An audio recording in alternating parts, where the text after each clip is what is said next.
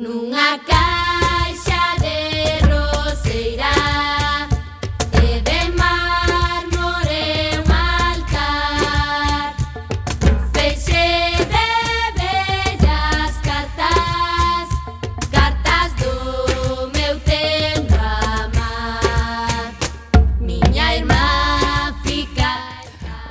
Ola, que tal? Como está de Xentiña Recendente? Se de benvidas, benvidos a este espazo radiofónico semanal que dedicamos á cultura e que facemos en rigoroso directo todos os martes ás 7 da tarde aquí en Coac FM. Bueno, todos os martes, aínda que esta é a nosa última emisión do 2019.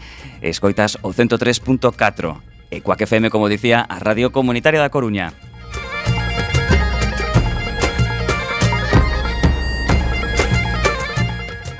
A Agrupación Cultural Alexandre Bóveda presenta este programa que podedes escoitar en directo a través da internet na páxina de emisora coacfm.org barra directo e tamén na aplicación móvil. Se non chegastes a tempo, non tedes excusa, recendeirío. Podedes descargar todos os programas emitidos en radio co ese mega podcast da nosa emisora ou tamén podedes escoitalo na redifusión. Non temos unha nin dúas, senón tres. Os mércores ás 8 da mañá, pois moi cedo según para quen. Os venres ás 6 da tarde e na madrugada do domingo luns exactamente na medianoite. E a partir de agora, seguídenos nas redes sociais tanto deste programa Recendo como da propia agrupación cultural Alexandre Bóveda, que ten abertas as súas canles en Instagram, Twitter e Facebook ou na web www.acalexandrebóveda.gal.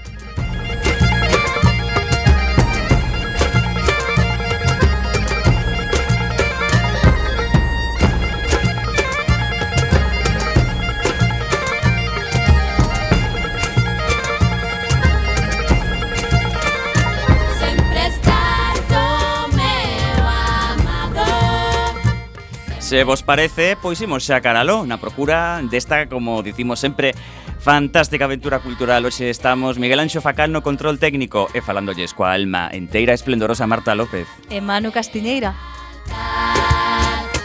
Sempre estar co meu amado Sempre estar co meu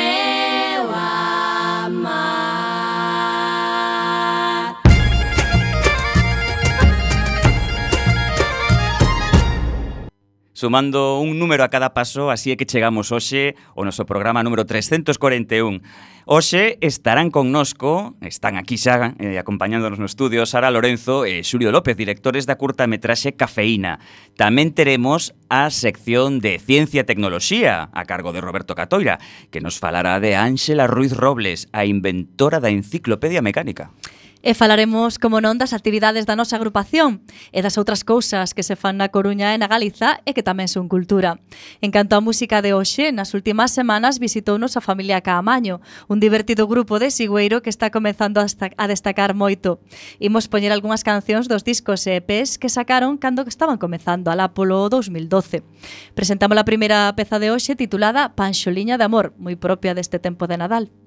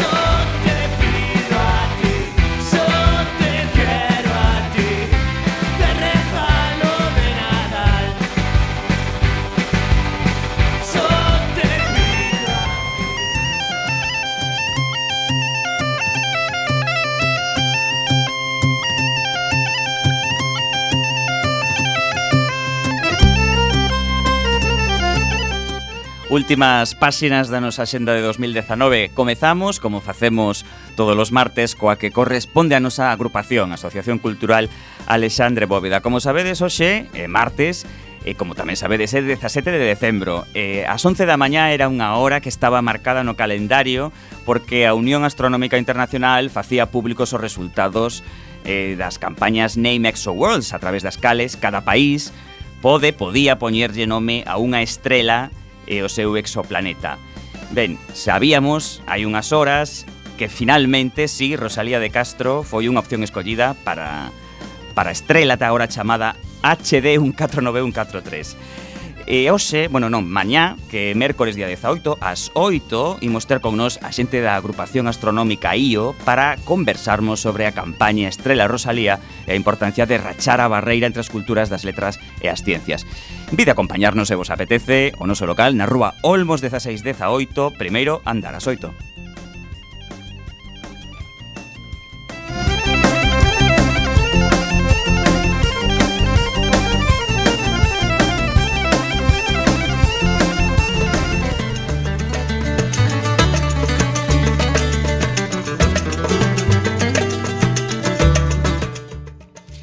E a quenda agora da Xenda da Coruña empezamos polo eido audiovisual.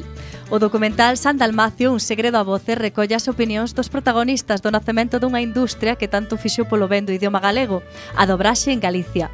Pero, Giño, esta fita dura tres horas e media. Avisados estades. Nela os actores reflicten as anécdotas e problemas que foron xurdindo nestes 30 e 7 anos de dobraxe. Podredes, podredes vela o sábado 28 de decembro ás 17 horas no Fórum Metropolitano. E pasamos a outro ámbito das artes escénicas. A Asociación de Veciños da Gradorzán celebra o seu festival Por Amor á Palabra 2019. Haberá actuacións da comunidade escolar do CEIP Raquel Camacho, con música, teatro e contacontos, e actúa tamén o payaso Peter Punk ou punk co seu show Peor Imposible.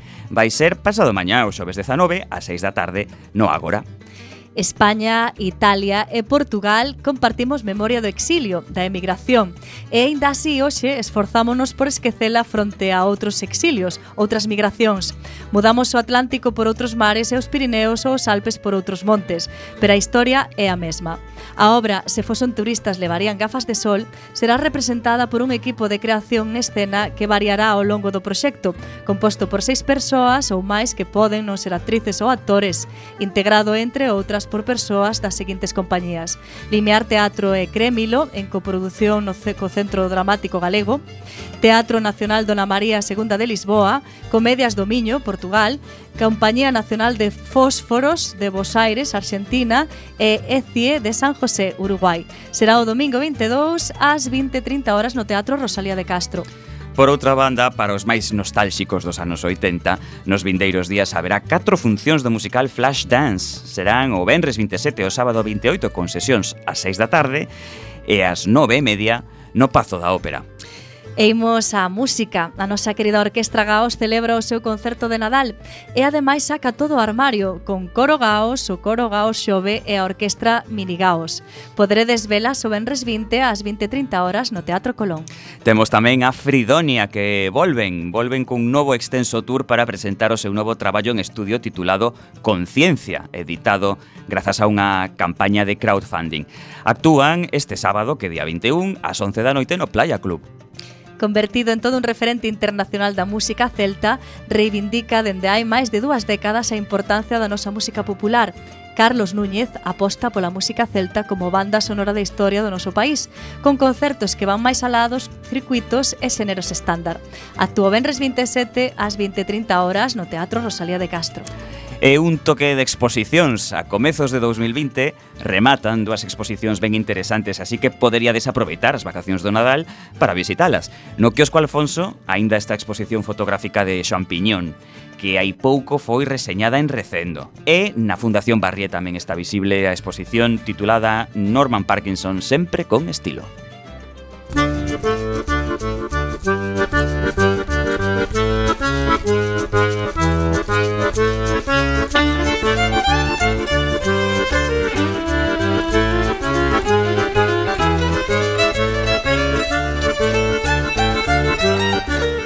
Imos facer repaso ahora da xenda de Galiza. Empezamos por Ourense.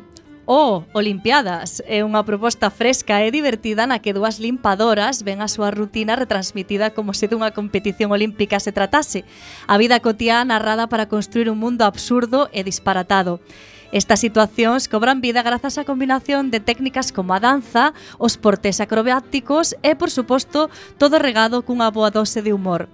Este espectáculo foi gañador do premio FETEN a mellor espectáculo de rúa 2019 e podedes velo no Teatro Principal o xoves día 26 ás 5 da tarde eh, subimos ata chegar a Compostela. O Museo das Peregrinacións de Santiago puxo en marcha un programa de actividades para crear un espazo de encontro cultural destinado a todos os públicos, con especial atención aos máis cativos e o seu entorno familiar, chamado Museo en Familia. Este sábado é a quenda dos monicreques, cun obradoiro no que se reempregan tubos de cartón, teas, las, rafias, restos de alfombras e unha grande variedade de materiais textiles. Celebrarase ás 12 o mediodía. É preciso inscribirse, ollo. E baixamos a Pontevedra. Liberto interpela directamente ao público. Trátase dunha reivindicación do imperfecto, do humano. Un texto é unha proposta formal asentada nas atmósferas sonoras que falan da vida, do sensorial e do instintivo.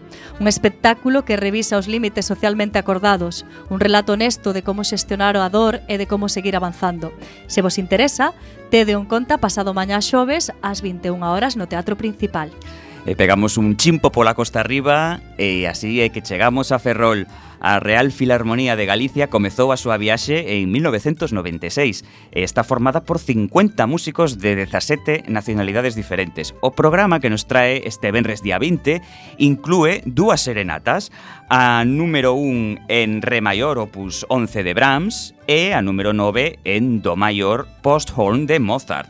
Se vos apetece, achegade vos ao auditorio para estar sentadiñas antes da hora de comezo do concerto ás 8 e media e imos a Vigo.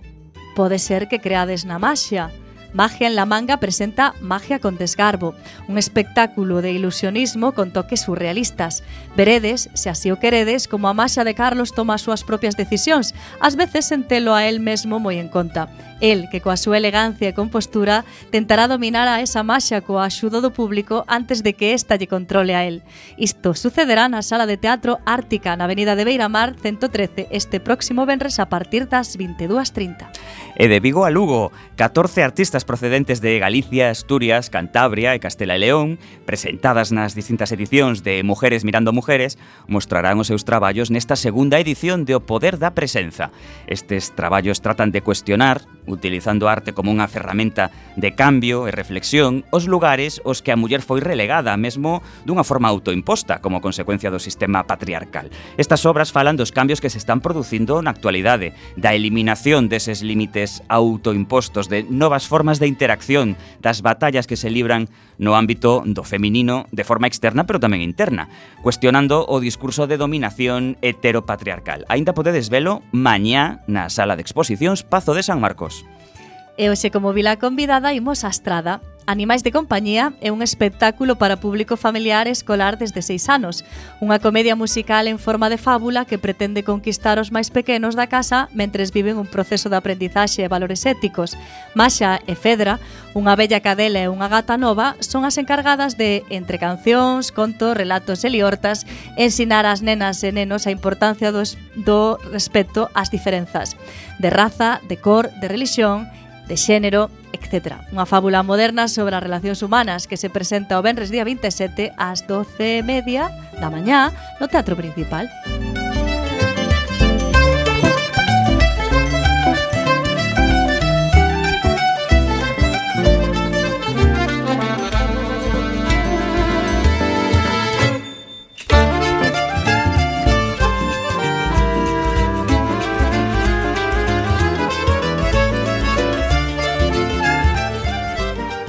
escoitades recendo desde Coac FM. Hai un pouco máis dun mes pasamos revista a saúde dos festivais de curtas de Galicia. Comprobamos que a actividade non falta, pero quedamos coas gañas de coñecer os creadores que había detrás de toda esa cantidade inxente de curtametraxes. Por iso, hoxe temos con nosco os directores e guionistas da curtametraxe Cafeína, gañadora na última edición do Festival Internacional Fricma Cine e no Festival Mumbai.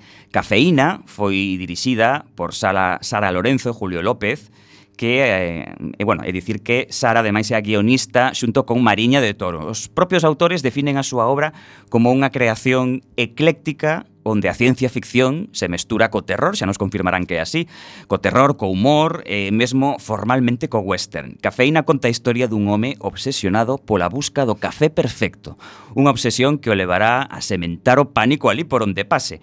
Ademais dunha historia diferente, Cafeína conta co aliciente de poder ver rostros recoñecibles como os de Isabel Naveira e Nani Matos. Cafeína, segundo os seus creadores, é o descenso dun home á categoría de antiheroe, unha tipoloxía de persoaxe que interesa especialmente ao equipo de guión da curta. Aínda que falamos de antihéroes, o certo é que a xente responsable de cafeína poden ser considerados héroes. Unha curta non profesional, pese a súa factura impecable, é realizado cun orzamento exiguo é unha fazaña ao alcance de moi poucos. Serva a cafeína como exemplo do panorama cinematográfico galego, pois máis aló do que arde, polo noso país temos un feixe de profesionais que non se poden dedicar ao seu porque non hai vías de financiamento para novas produccións.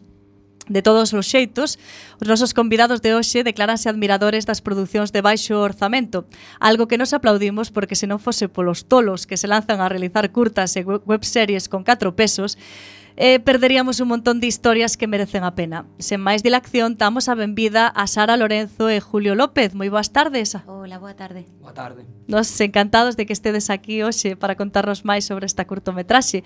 E imos un pouco ao principio. Bueno, Sara e Xulio, xa vos coñecía desde antes, non? Como decidides que ides facer unha curta xuntos?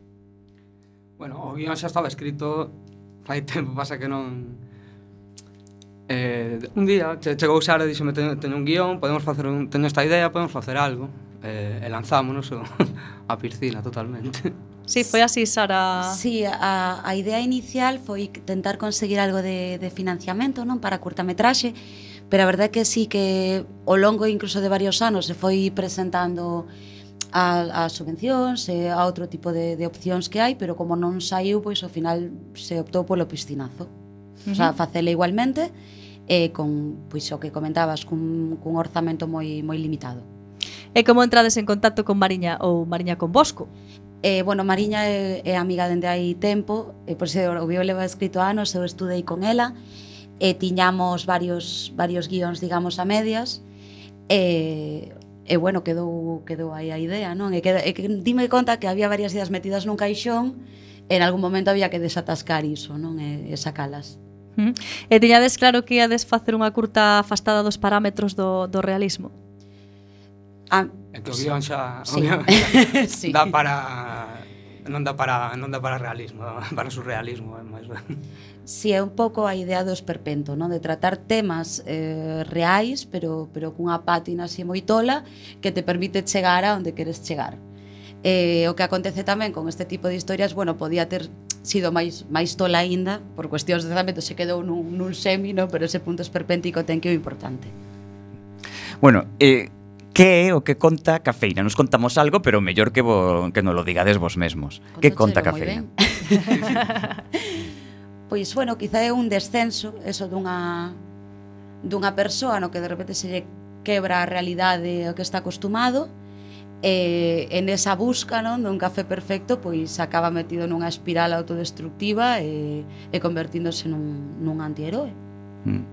E, e onde estaría mm, eh, a orixe da historia ou, ou, ou houve algún detalle que, que fixera saltar esa, esa faísca, esa idea primixeña, no? para despois desenvolvelo e convertelo nunha curta. Facendo horas de camareira. Facendo horas de camareira. sí chega un momento igual que a xente que todos os días colle o mesmo autobús, non? Chega un momento que que sabes os horarios da xente, que hai xente que ven todos os días ao mesmo bar a tomar o mesmo café á mesma hora.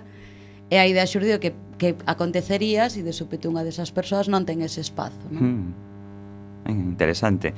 Eh, sabe, sabedes que para algunha xente o café é considerado unha droga legal. eh, non se vos ocurriu, pois o mellor ampliar o tratamento ou a, a outras sustancias? Quedou ceñido o café simplemente por isto que acabas de contar. Claro, ¿no? creo que o chiste tamén é eh, tratar unha porque hai xente que considera droga legal, pero tamén eh, ten como un punto de inocuidade, non? Por ser unha mm. droga legal. É dicir, non, non se ve como unha sustancia realmente que que pode danar, ou bueno, que pode, que pode danar, ser o que pode o que pode cambiar a conciencia da persoa, é eh, unha droga moi vinculada tamén ao mundo laboral. Bueno, todo este era tratar un pouco isto, non hai moitos hai moitos moitas historias feitas con cocaína, con, con porros, non sei como dicilo, non, sí. café non tantas. E a parte ritualista tamén do café, de, a xente que vai sempre o mesmo café a mesma hora, todo eso. A parte ritualista tamén está no, no corto, que é a, a rutina que lle rompen o, o protagonista. Mm. Vos coñecedes alguén enganchado a cafeína? Que lo admitan. Bueno, enganchado, enganchado, como, el de, como protagonista do curtametraxe penso que non, pero enganchado penso que sí, bastante xente, ademais. Eh? Outra cosa que, que admitan ou sepan, pero... Sí. Ese mal humor de non poder tomar o café pola mañá é, eh, é bastante común, bueno, eu vexo Cando se escribiu a curta eu non tomaba café Eu me vinculei ao café a raíz de integrarme no mundo laboral tamén non? Que tamén son procesos Bueno, pois non fagas moitos curtos sobre moitas outras sustancias Sino... E descubriches, descubriches que varios cafés como o protagonista? Eh, no, no, eu son de un café pola mañá, gracias. vale, non te enganchaches moito entonces. Eh, como conseguistes un reparto con actores coñecidos ou polo menos con caras que, que lle poden soar á xente? Pois no caso de Isabel, a raíz de mandar o guión, gustou o guión e decidiu colaborar. Portouse moi ben con, con nos. Sí, a verdade, Isabel moi ben, porque xa sabía que era unha, unha produción sen orzamento, ela estaba xa acostumada a traballar a outros niveis, pero como lle gustou a historia, decidiu colaborar con nós. E no caso de Nani, xo coñecía de ser protagonista de outra curta que gravara eh, que dirixín con, con Mariña, estudando na Facultade de Comunicación en Pontevedra, e que tamén era unha curta así bastante tola, e, eh, quizá un pouco máis gore que cafeína, pero bueno, era así unha cosa bastante tola, eu xa sabía que Nani pois que é un actor que se apunta un bombardeo e que lle dá igual que o encha de sangue, que o arrastre polo chan ou que pase así con el que lo desfruta, non? E, e tamén lle pasamos o guión e, e quixo colaborar. Pero Nani é director tamén, non? Como sí. é eso de dirixir a alguén que como actor, pero que tamén é director, non? Que tamén está no outro lado da cámara. No caso del señal porque te axuda moito. O sea, ten ese punto de, de velo dende os dous lados da, da cámara, Entón tamén el, como leva máis anos no, no mundillo, tamén te pode dar moi bons consellos. Uh -huh. Tamén boas propostas. Sempre nas escenas sempre teña boas propostas para, para o seu acting, sobre todo. Sí. E o resto do equipo técnico de produción de onde de onde sae? Pois eu estudiei na, na escola de Maseson, pero no nocturno e moita xente, o sea, tres ou catro son de son da escola que, bueno, por exemplo, en son non tiñamos non tiñamos partiguista, un, un rapa da miña clase, a animación tamén un rapa da miña clase, a fotografía, e o máis que tal Andy que tiña unha boa cámara e foi o que o que o que nos deu a vida, a verdade. e é complicado convencer a xente de que traballe de balde ou se o guión está ben, non que tan difícil. Claro, cunha boa base e sobre todo se non é moi alongado no tempo, O sea, que decir, non é o mesmo convencer a xente para facer unha produción que podes gravar en tres fines de semana eh, que, pois, por exemplo, estar un mes ou dos meses grabando sen remuneración porque aí xa te, te implica a tua vida laboral, bueno, da que comes, non? Eh, uh -huh. Pero outro, digamos, que se fixo en tempo libre, non? Pa, pa nos esta produción foi un pouco na de hobby, non? O sea, foi extra estudos e extra traballo. Sí, foi, foi sí, máis sí. que nada que viña, víamos que non eh, tes que ter práctica para traballar e non íbamos a ter non habíamos moi claro, entonces decidimos facer unha autopráctica. Eh, falando do aspecto económico, eh, canto poido custar aproximadamente eh, gravar cafeína? Pois xusto estábamos facendo contas, en contar... Ta... A rodaxe serían sobre 400 euros. 350, igual, contando a lugar de, de certo material. Conta, eh, contando ca xente portase ben, se e non... Claro, sí. eh, refírose, con, sen contar que, no, que non hai salarios, eh, pois, o básico, alugar algo de material, eh, a, os eh. xantares de rodaxe, eh, a, os desplazamentos de, de actores e tal, porque, digamos, o equipo técnico era da Coruña, entón tampouco houve moito desplazamento, pero os actores que sí que viñan de lonxe, ou, ou Sabela de maquillaxe, por exemplo, que viña tamén de, de fora, pois un pouco valorar os cartos de desplazamentos, pero o resto, cero. E como, como xuntades eses cartos necesarios, porque son inevitables para levar a cabo Eso o proxecto. Se, se puxeron do bolsillo, sí. o sea, do peto, do, do que... Pues... De algo, algo que cambia por aí. sí, algo do, que por aí. do que se saca do teu salario habitual, do teu traballo, pois unha parte apartas para, para isto. Non pensastes en pedir unha axuda externa, unha financiación externa, ou, ou eh, logo unha segunda parte da pregunta é, existen axudas para proxectos pequenos como, como voso? Sí, existen, o que acontece que son presentanse moitísimos proxectos e mm. e bueno, realmente sí que presentamos varios dosieres, é o que vos comentaba antes, non cafeína, igual que outra que outras curtametraxes, sí que teñen feito dosier e biblia, e, están presentadas as subvencións da GADI, bueno, as subvencións que existen aquí e incluso a nivel estatal, pero non caeu nada, entón tiramos para diante igual. Ben.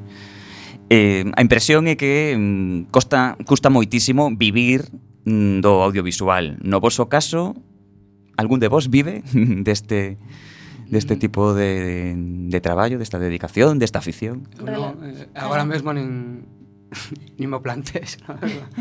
non lle veo moito futuro, pero bueno, a ver como va. Eu estive en algún momento traballando en, en rodaxes así de produtoras, eh, e agora mesmo traballo relacionado, non? Traballo como técnica de comunicación aquí na, na Universidade da Coruña. Entón, pois sí que fago fotografía, vídeo e mm. tal, que acontece que non é ficción, é divulgación científica, que tamén é un campo no que estou cómoda, pero o máis complicado quizás para facerte o hueco non é, non é o traballar no audiovisual, senón levar ideas un pouco diferentes ou cambiar parámetros que están moi ben postos no, no audiovisual e outro tipo de propostas non só en funcionar ou dá medo non que, que funcionen entón se tende case sempre a cousas parecidas é, é moi complicado atopar financiamento para outras propostas Pero se poiderades, se estivera na vosa man e eh, dicir eh, ides vivir eh, da realización de, de ficción. Con tantas ficcións que nos interesa. Firmo. Claro, así no xa. Pois, eh, no, bueno, o futuro está adiante Aida. de nós. Sí, sí, que Julio, sí. Que Aida coa curtometraxe eh, eh, que nos abra algunha porta para conseguir algo de cartos para, para mm. seguinte ou o serio o que veña. Claro, isto é un pouco con toda a leiteira, non? Ti faz unha, unha proposta, se esa proposta funciona ben, ten bo, bo circuito de festivais, e premiada e comezas esa proposta pois, a, a seguinte que leves na man xa hai un pouco máis esa confianza non? De bueno hai un traballo feito que, que funcionou relativamente ben. Mm. é, é un pouco así. Tamén te podes dar unha hostia criminal eh? que tamén as cosas ah, claro, acontecen sí, pero eh, bueno é unha profesión con un risco constante. Que pior que pode pasar que tires sen orzamento como ata agora? O sea, tampouco ben, de seguido continuamos a falar con vós, pero facemos unha pausa musical. Lembramos, hoxe estamos asomándonos a familia Camaño e temos aí na recámara un tema listo para ser escoitado, o ritmo da caverna. Imos. Imos.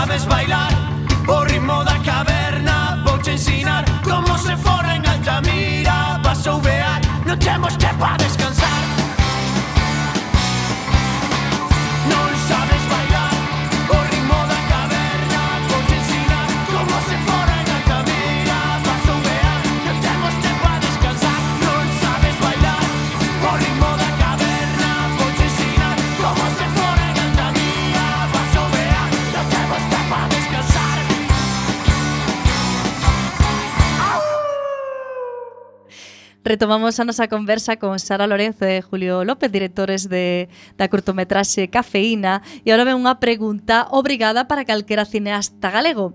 Que vos pareceu o que arde? Inda non a vin. Eu tampouco. Vingo, vingo, tra vingo trailer, estuve cinco minutos ríndome co chiste de Teslume. estuve cinco minutos, así que teño ganas de vela, pero ainda non... O sea que ainda non a vistes. No, bueno. me soe gustar de... Bueno, a mí personalmente, cando algo xera tanto furor, Case prefiro agardar un pouco a que a pouse e logo vela. Sí. Sí, porque se non ao final te intoxicas un montón, non sei, de, están, en todas partes, non? E... Sí, ou se crean moitas expectativas tamén, claro, non? ou medo de decepcionar, me, me ten pasado noutros casos. Igual a vexo, se igual a vexo agora me decepciona, igual a vexo dentro dun mes e digo, que peliculón. Uh -huh. E credes que o éxito que acadou, bueno, enda que non a virades, cambia algo o panorama cinematográfico galego? Penso que sí. Penso que sí, aparte agora saliu tamén longa, longa noite.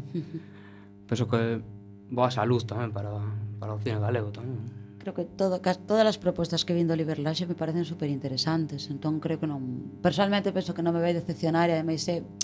Sí que é verdade que é un filme que está chegando a un montón de sitios. Está, mm. está, está se difundindo un montón e e iso a nivel audiovisual galego, pois poucos filmes chegan a ese nivel, non? Entón... Si, sí, dende logo pon a Galicia eh, aí eh, no, no, no mapa do mundo, non? E contando unha historia daqui. Que tamén... Sí, claro. Sí, sí, tamén. E que cousas credes vos que deberían cambiar para que, a, que máis xente tivese a posibilidade de materializar os seus proxectos eh, cinematográficos? A ver, a que... que, que, que preguntón. Bueno. Eh, creo que, que habería que invertir quizáis máis sí, e dar e dar opcións, non? A que a xente tam, e a difusión, non ter un circuito aquí que funcione, que agora está comezando a haber un montón de festivais tamén. E, e, a parte de... Bueno, eu para... Que te refires a rodaxe ou a distribución? Porque tamén a xente de Numax, por exemplo, sí. a distribución está, está facendo bastante... Eh, son todas partes do proceso, non? Bastante ben, claro. sí. Vos que coñecedes. Claro, o problema aquí eu creo é que toda a industria estaba en moi poucas mans, non? Había como un monopolio moi grande do audiovisual aquí en Galiza, a maioría das productoras vivían ata aí pouco de, de subcontratas da TVG ou de moi, moita fica para a televisión, moito... E se iso se abre o abano e comeza a haber máis volume de produtoras con diferentes propostas e hai un circuito que funcione, pois millorará en saúde, eu creo, audiovisual. Mm. Ben, eh, foi moita sorpresa para vos gañar o, o Freque Macine? Sí. Sí? sí. sea, bueno, non, non, non se gañou, o sea, Ga porque gañar, gañar, gañou a curta do Neno Bonito de, de, Fran, de Fran Rodríguez. Sí. Nos levamos eh, dous premios do público. Bueno, tamén que, é gañar. Tamén sí, sí, gañar. pero que, que deixémolo claro, porque igual sí, estamos aquí sí, tirando sí, un ah. moco que non é verdade. Eso é verdade. eh, sí, foi unha un sorpresa. Unha alegría, unha alegría. No? Sí, mm. ir para casa así cun par de premios claro. alegra. Non levabades previamente eh, unha actitude de sobrados, ni moito menos, non? Sino que sabíades que todo podía pasar. No, nos, no, nos nostra, non é a nosa actitude normal. Humildes. Eh, eh, eh cales foron as reaccións das que vostedes noticias da xente que viu a curta? Que vos comentaron? Un pouco de todo. Eh? sí, bueno, eh, coa historia había xente que entendía dunha forma de, de outra, pero penso que pasa sempre con, con calquera cousa, eh? con, con a curta ou con... Pero bueno, eu penso que positiva, non? Sí. Am, gustou, penso que gustou. Sí, elo tamén o que xusto estaba falando aí un par de días, eh, con xente así allea, non? Un pouco o mundo audiovisual, e o que me dicían é que a nivel de de linguaxe, non? De tipo de planos e tal, pois que lles parecía como como rara, non? De dicir de que tamén porque se tira fora e isto xa é algo pensado, non? De, de sairse fora dunha, dunha montaxe máis tradicional ou un tipo de planos máis típicos, non? Que ás veces buscas pois outras cousas, outro tipo de linguaxe. Eh, hai veces que non podes facer todo o que queres, pois volvemos ao mesmo, non? Por temas de orzamento, pero pero tentas, tentas xerar outra artellar outra linguaxe. Hmm. É dicir, que máis máis respostas positivas que negativas Sí. Pero tamén hubo, hubo quen vos criticou públicamente non de, de, de, de barra de bar si, sí, a ver, entendámonos, pero eh, públicamente non vi ninguna, non o sei, así. No, de... penso que non. Tampouco petamos tanto como que claro, para que se hayan no, críticas no nos xornais, claro. Claro, claro. Ainda non, non, non ten tanta repercusión, pero a xente que viu. Eh, logo ides Julio Sara eh, gañades nun festival na India. Pero sí. como isto? Si eso como chega, primeiro, como chega a mellor montaxe. Cafeína a, a, a lo tan lonxe, como chega ali? Agora hai plataformas de distribución que tamén por, por pouco diñeiro podes, podes presentarte, o sea, faz, uh -huh. faz como unha páxina da, da curtametraxe e tes, podes te presentar os festivais que queiras. E bueno, digamos que nos estamos presentando así un pouco a todo, non? O que vai saindo. E, E pois caeu aí na India. Rascamos, aí. Sí, foi unha sorpresa, verdade. Correcto, pero 100% además. Experiencia de gravar un vídeo en inglés para dar tamén, as gracias. Tamén, tivemos que gravar un vídeo. Envialo, que tamén é toda unha experiencia. Sí. Eh... Bueno, estamos esperando a ver se chega, chega o premio. Dicen que conviaban, Estamos esperando. Que premio era? Era premio metálico? Era premio... Un trofeo, no. pero non sabemos nin como é, ¿eh? nin... Si, sí, é un trofeo. Ata, ata agora o que levamos foi iso. Si sí, estaría ah. ben gañar algo así. Rupias de... non... Si, sí, non, non, non rascamos rupias. Tiñades se cadra o temor de que non se entendera a curta nunha cultura tan diferente a nosa como é a hindú? Sí, Sí. sí, pero lo tamén pensei así nun punto destos que che dan, dándolle unha volta e dicindo, joder, o café bastante universal. Sabes, non é tampouco que fale dunha, dunha situación específica mm. e cunha visión... O sea, obviamente, eh, todo, todas as lecturas, pois, pues, saen tamén de, de quen escribe, de quen grava. Entón, obviamente, ten unha visión europeísta, ta, o sea, é, é lóxico, non? Pero, claro, como é tan universal, tampouco dixen, o malo será, non? Que non se entenda. Mm. Eu non, non entendín o punto, eu penso que non sei se pode ser polo, pola parte do té, dirá, mira os occidentales, estes están totalmente tolos, non sei, non sei. Daquela cafeína podemos pensar ainda pode ter un ben longo percorrido por festivais polo mundo adiante. Eu cálculo, inda entre un ano, ano e pico, terá de percorrido a ver que tal vai tirando, e se sí. vai tendo seleccións en festivais, pero sí, ainda lle quedará o ano medio ou algo así. Sí, todo, todos os que podamos caro. Mm. Pois imos a facer outra pequena pausa esta vez para escoitar a sección de Ciencia e Tecnoloxía a cargo de Roberto Catoira, pero que non está, pero imos a escoitar a sintonía e despois eh, daremoslle vida nos a, a Roberto. Quero alcanzar a cúpula máis alta, avistar da torre vial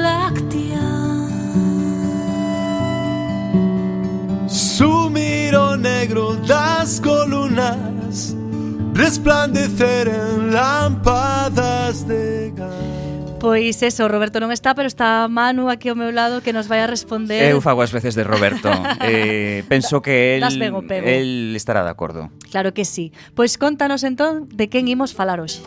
Pois hoxe nesta sección estupenda de Ciencia e Tecnoloxía imos falar un pouquiño de Ángela Ruiz Robles, que destacou nos campos da técnica e a mecánica Naceu en Villa Manín, provincia de León, en 1895 e morreu en Ferrol eh, e 80 anos despois, en 1975. É sobre todo coñecida pola invención da famosa enciclopedia mecánica.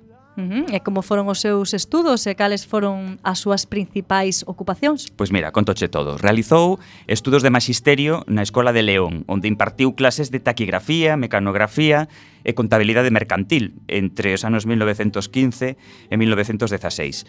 Logo, en 1918, acadou por oposición a praza de mestra en Santa Uxía de Mandía, en Ferrol e xa no 1934 pasou a ocupar a xerencia da Escola Nacional de Nenas do Hospicio de Ferrol.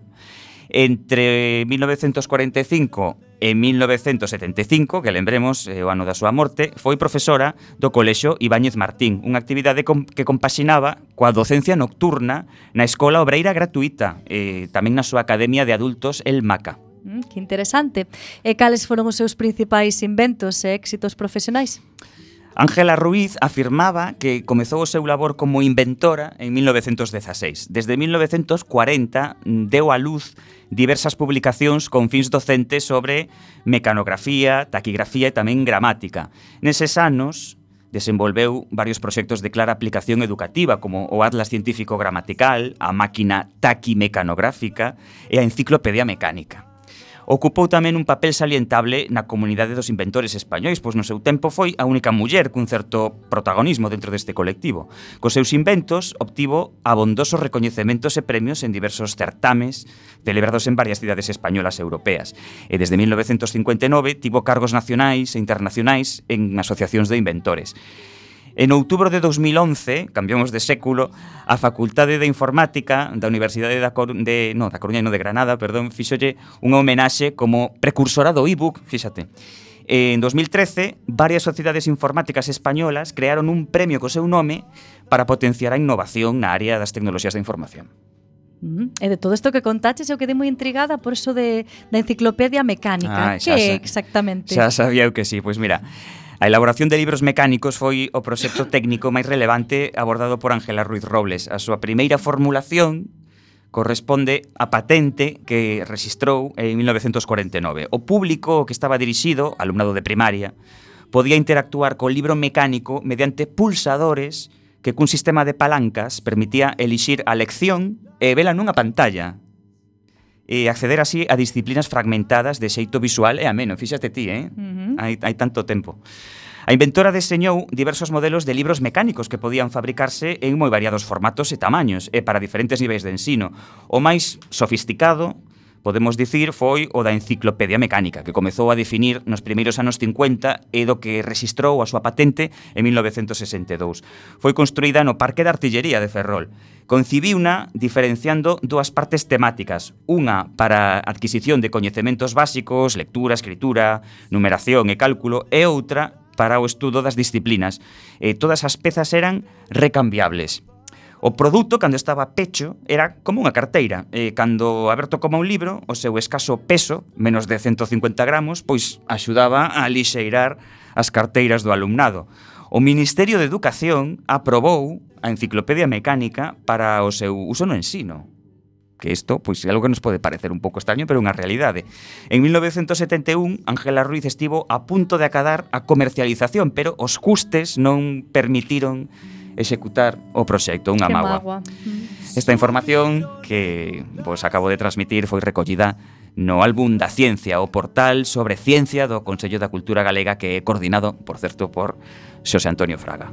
Pois moitas gracias, Roberto. astronauta lírico en terra Indo teu lado leve E continuamos de novo ca conversa con Sara e Julio eh, queríamos comentarlles tamén, bueno, sobre as webseries, que é un fenómeno que está, bueno, pois pues, moi en auxe en Galicia. Que opinades sobre isto? Pois eu penso que a, a mellor forma de empezar, a verdade. Eh. Menos Porque as curtametraxes si sí están ben, pero vexo que as webseries teñen máis saídas, as series teñen bastante máis saída que, que a curtametraxe. moitos máis consumidores. Uh -huh. O sea, credes que hai moito público para, para webseries? Eh, está, está mudando non? o tipo narrativo. Isto é algo que se está vendo é progresivo, pero para min a xente está deixando de consumir formatos longos. O sea, estamos, agora mesmo estamos no, no mundo digital, eh, os xeitos de consumo masivos de audiovisual xa comezan a ser plataformas de distribución, a maioría da xente escolle esas plataformas segundo as series que quere ver, Eh, non sei se vos pasa, pero redoro cada vez escoito máis o de a mí unha película pareceme longa, non? A xente está acostumada a formatos no máis curtos. Eh, e claro, unha webserie te permite, digamos, eh, narrar o que igual contarías nunha película, ou incluso máis, eh, dividindo en nos capítulos que a día de hoxe, non digo que me pareza ben, eh? digo que a día de hoxe é o que máis se está consumindo. Creo que os formatos deberían ser compatibles, pero a realidade é que o están comendo as series, case todo. E crees que se poden sacar cartos deste tipo de produtos?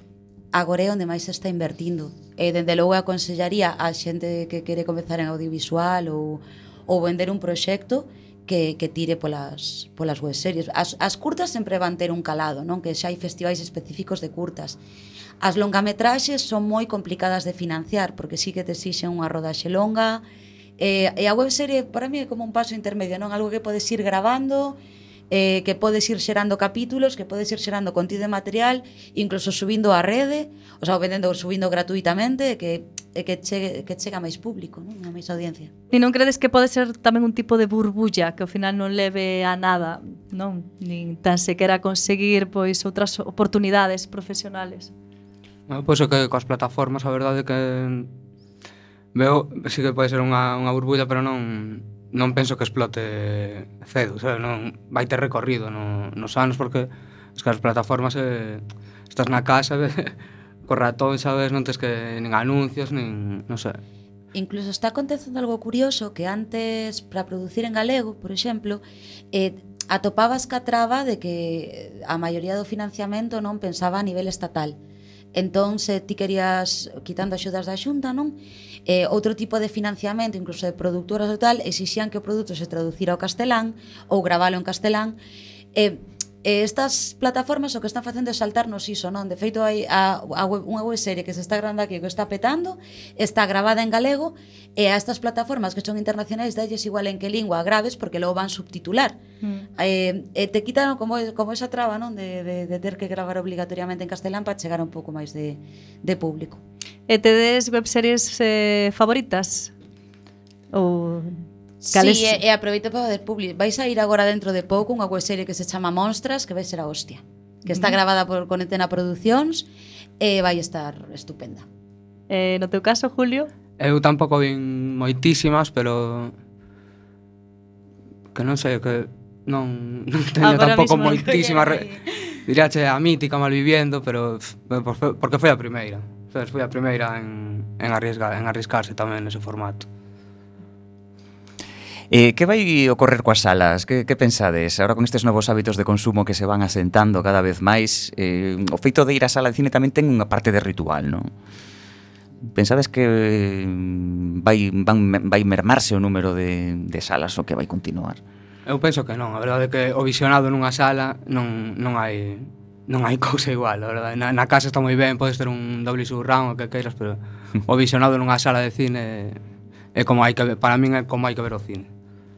Logo tamén, eu creo que os cines, o que é a sala de cine, xa hai tempo que morrera, os seus últimos cines que houve na Coruña foron os Chaplin e pecharon, eu creo que fun ao peche, que creo que era na época que estreaban a pelota vasca, o sea, xa choveu, e, e o que quedaron foron multicines, que son formatos pequenos, bueno, menos calidade de sala, e o, o, a oferta é moito máis limitada, porque as propias produtoras americanas escollen que, que se pon, quitando a cuota que obliga o Estado, e E, e bueno, seguiron existindo. E logo proxectos, pois por exemplo, que fala Julio antes son Onumas, non, en Compostela, pois foi unha proposta super arriscada de dicir un cine que poderia ser noutra época, un cine de arte e ensaio, con librería e cafetería, en un principio que dicían, e bueno, non vos ides comer nada, non? Eh, isto é un, é un negocio extinto, é algo caduco, e vailles xenial, do cal me alegro un montón, porque traen novidades ou películas que igual noutras salas de multicine non podes ver e a maiores adícanse a poñer tamén clásicos, que igual nunca viches en pantalla grande.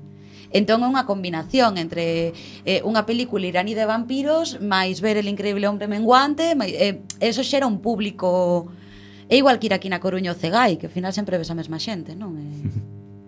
Sí, sí, é así. Claro. eh, parecenos que non hai moitas mulleres facendo cine de ciencia ficción ou de terror, é así? Non hai moitas mulleres facendo cine. En xeral, en xeral. proxectos, menos. Eh, eu, obviamente, barro pa casa, eh, fan falla, mulleres dirixindo proxectos, fan falla, mulleres contando historias, e o, hai un fenómeno tamén que acontece que, que é moi perxudicial que que as poucas que chegan a dirixir non soen repetir. O sea, hai, hai moito volume, de Ajá. mulleres que fan unha produción e logo non dirixen máis.